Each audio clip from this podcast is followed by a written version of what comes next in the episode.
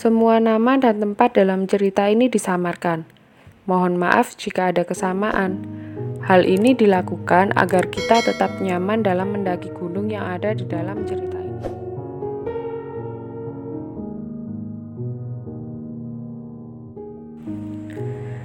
Dilarang keras kopas, storytelling, reupload semua cerita lakon story di YouTube, website, blog, aplikasi podcast, atau di mana pun tanpa izin dari lakon story. Semua peraturan tentang reupload sudah tersedia di fanpage lakon story.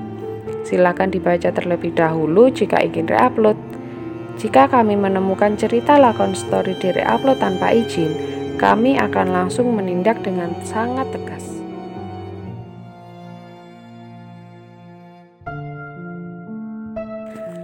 Rombongan pendaki hantu. Perkenalkan namaku Andi.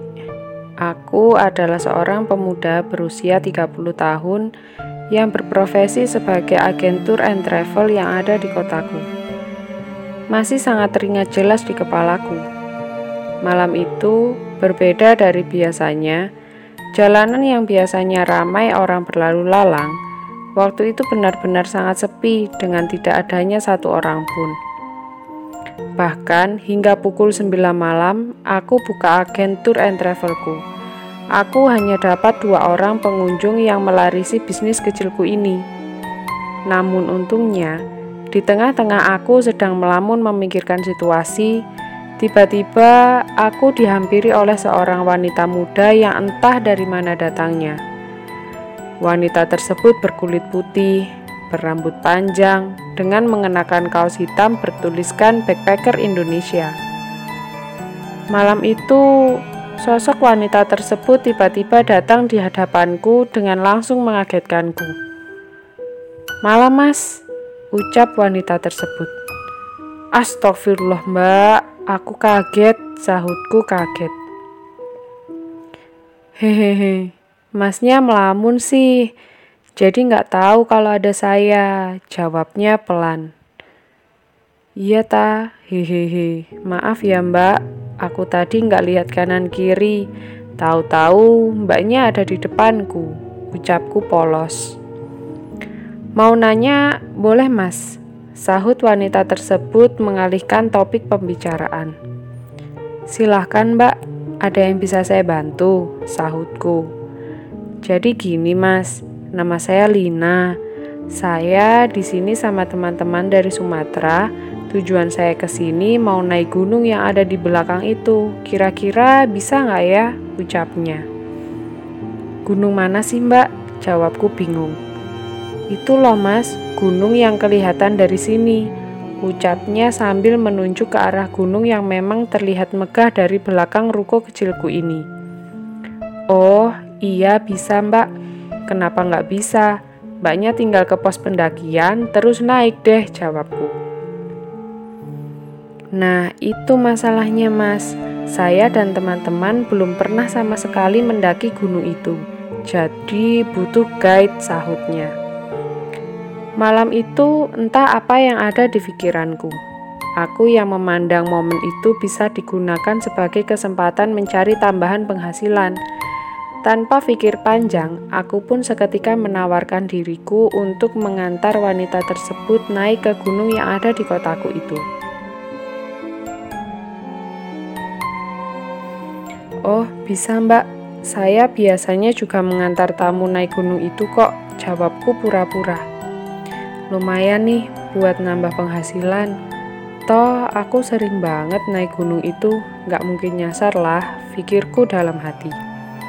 Beneran mas, sahut wanita itu.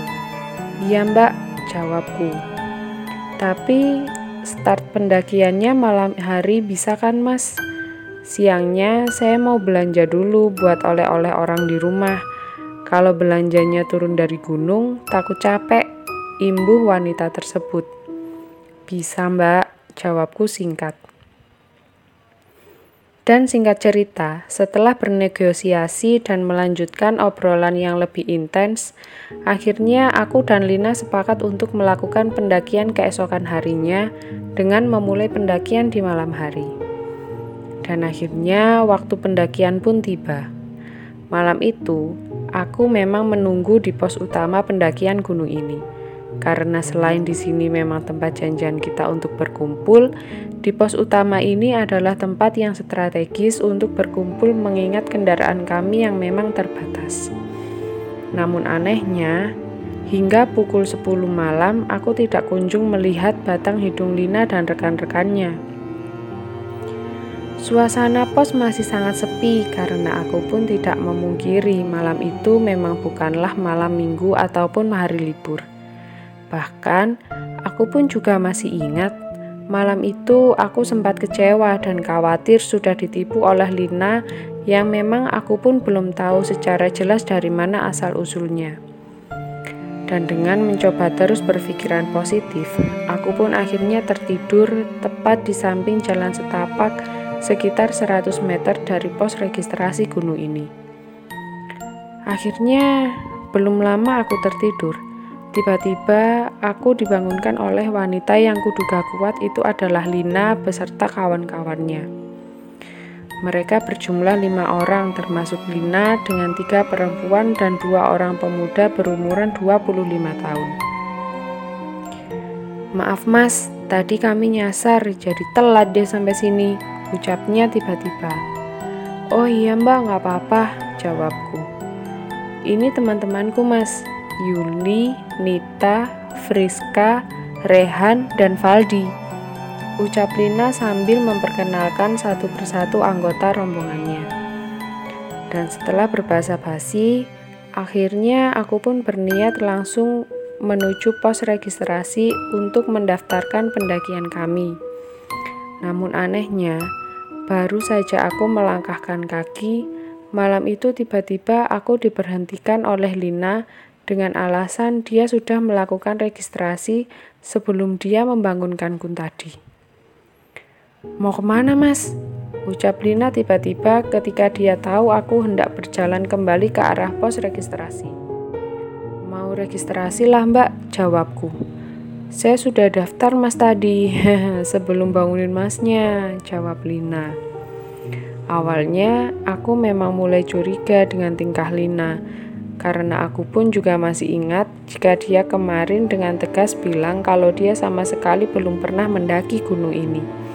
Namun, karena aku mencoba tidak menghiraukan semua itu, akhirnya aku pun memulai pendakianku mengawal lima rombongan yang mengaku berasal dari Sumatera tersebut.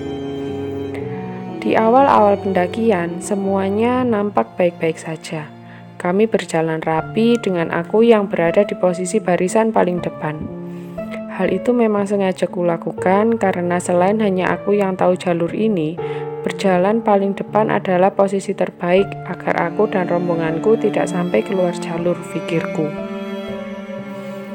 Namun sayangnya, Berada di barisan paling depan tentu saja mengharuskanku sesekali menoleh ke belakang untuk memastikan jika anggota rombonganku tetap dalam posisinya dan tetap dalam keadaan yang baik-baik saja. Hingga akhirnya waktu pun berjalan begitu saja. Pos demi pos kami lalui dengan lancar tanpa ada sedikit pun gangguan. Rombonganku bercanda Ria dengan aku yang sesekali ikut tersenyum meskipun aku tidak mengerti apa yang ditertawakannya. Hal itu memang wajar karena selain aku baru kenal dengan mereka, yang Lina bahas selalu hal-hal yang sepertinya berasal dari kampungnya. Hal itulah yang akhirnya membuat aku sama sekali tidak paham dengan apa yang mereka tertawakan. Dan tanpa memikirkan hal itu, Aku pun coba bersikap profesional dengan tidak terlalu ikut campur dengan obrolan mereka dan aku hanya ingin fokus membawa rombonganku naik dan turun dalam keadaan baik-baik saja. Tapi sayangnya, ternyata semuanya tidak sesuai rencana. Keadaan yang awalnya riuh dengan penuh canda tawa, perlahan-lahan tiba-tiba berubah menjadi mencekam, menyeramkan. Satu persatu keanehan kurasakan dengan sangat tidak masuk akal, ditambah apa yang kucium. Kudengarkan hingga kulihat. Semuanya sangat di luar akal sehat manusia. Semuanya diawali sekitar pukul satu malam.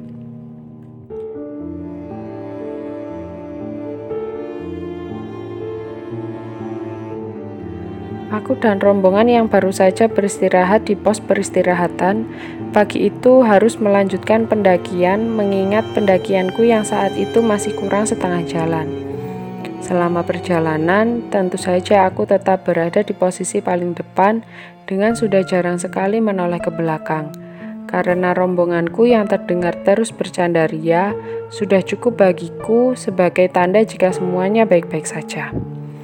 Namun anehnya, pagi itu obrolan mereka semakin lama terdengar semakin aneh saja. Nah, di sini nih aku dulu loncatnya. Kalau kamu di mana? Ucap wanita yang kuduga kuat adalah suara Lina yang sepertinya mengajak ngobrol rekannya. Kalau aku masih di atas, kan aku belum sampai sini waktu nyari kamu. Eh, belum ketemu, aku ikutan jatuh. Sahut suara laki-laki yang terdengar lirih menanggapi ucapan Lina. Jadi kangen kayak dulu lagi ya?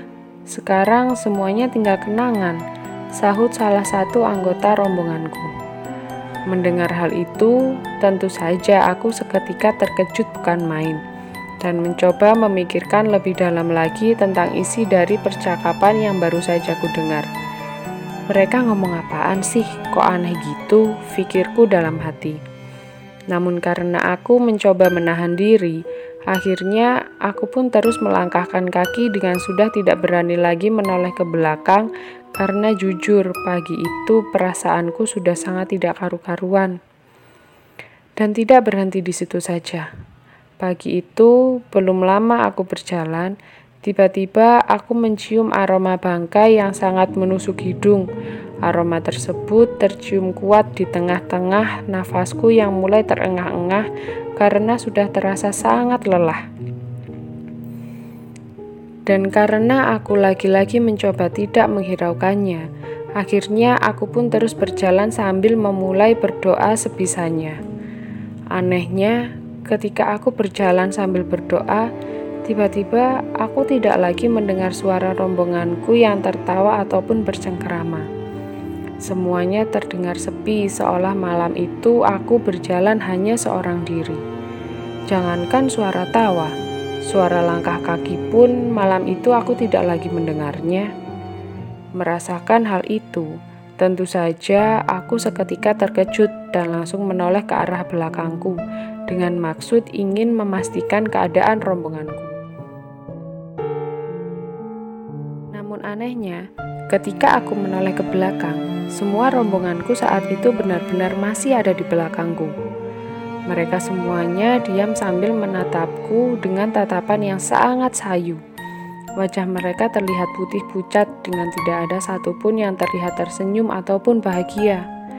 Karena pagi itu aku mulai khawatir dengan keadaan mereka, akhirnya aku pun memutuskan untuk berhenti dan beristirahat di jalur pendakian gunung yang kudaki tersebut. Kalian gak apa-apa?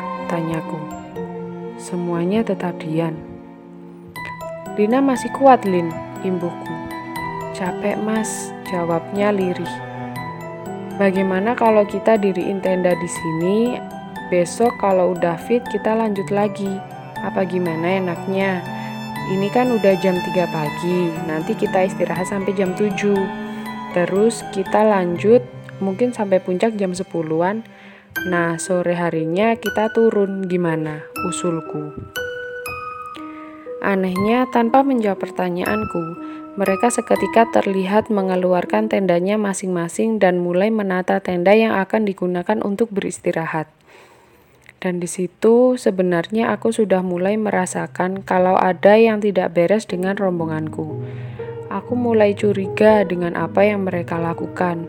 Semuanya semakin lama semakin terlihat aneh, tidak masuk di akal.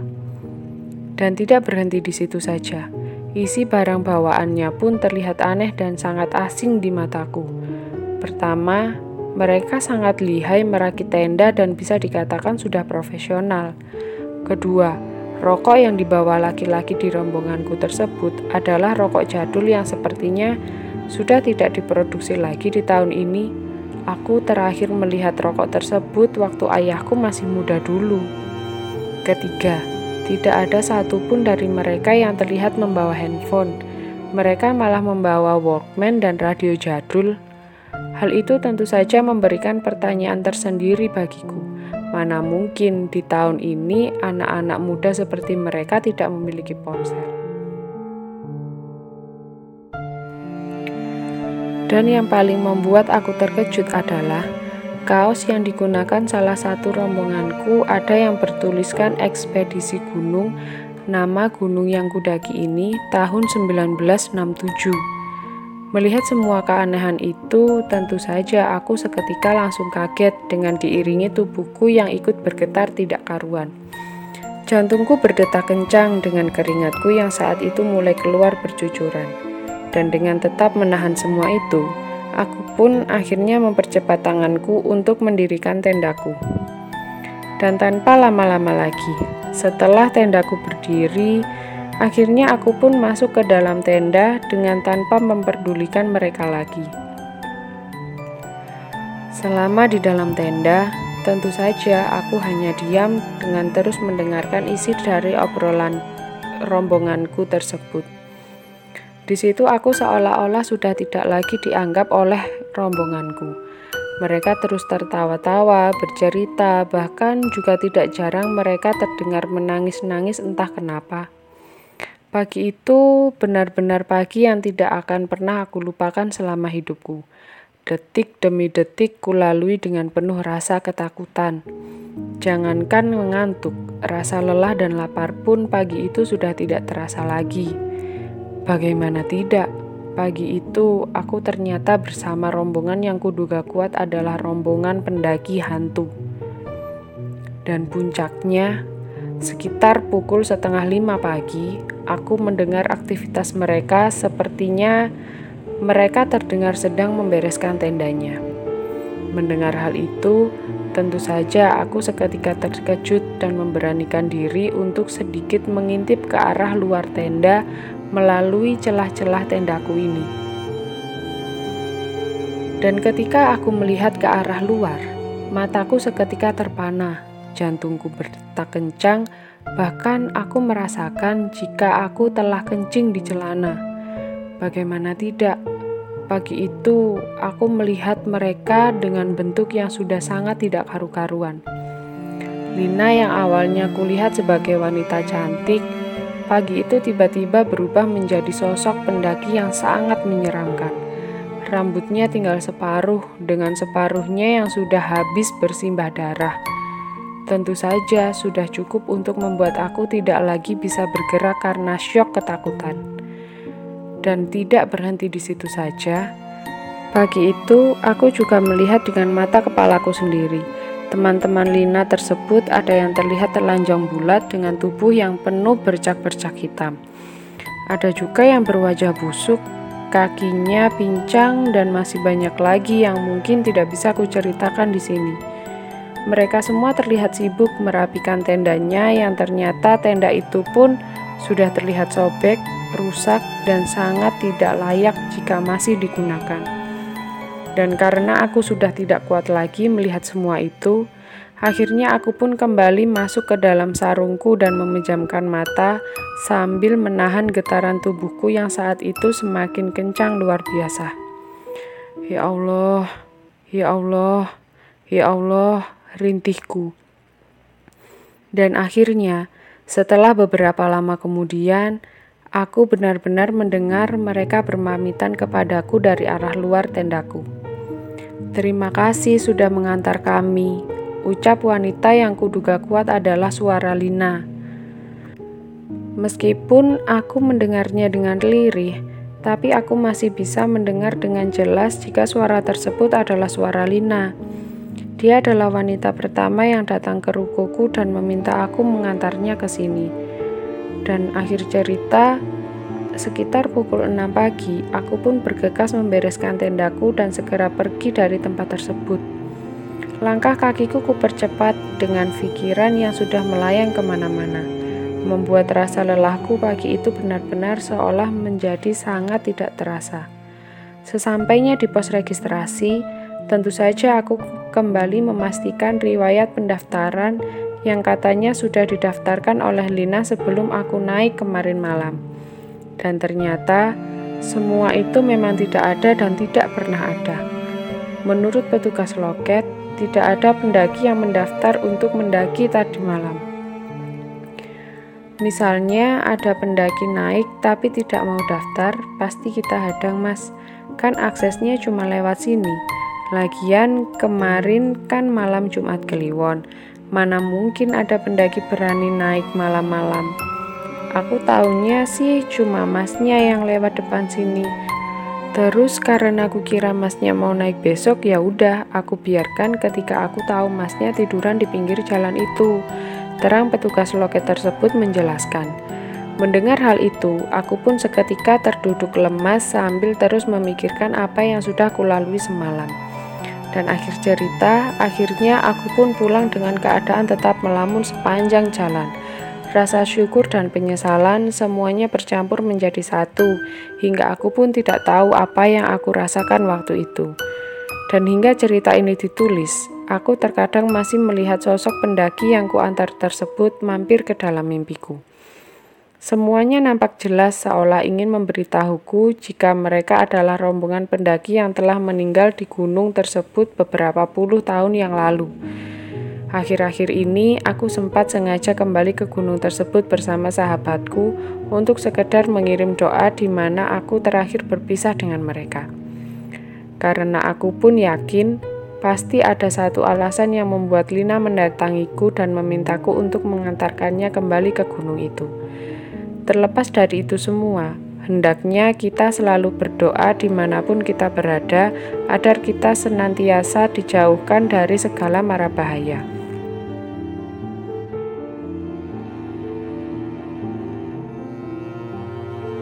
Dilarang keras kopas, storytelling, reupload semua cerita lakon story di YouTube, website, blog, aplikasi podcast, atau di mana pun tanpa izin dari lakon story. Semua peraturan tentang reupload sudah tersedia di fanpage lakon story. Silakan dibaca terlebih dahulu jika ingin reupload. Jika kami menemukan cerita lakon story di reupload tanpa izin, kami akan langsung menindak dengan sangat tegas. Terima kasih teman-teman, semoga cerita ini menemani hari-hari kalian dan sampai jumpa di cerita-cerita kami selanjutnya.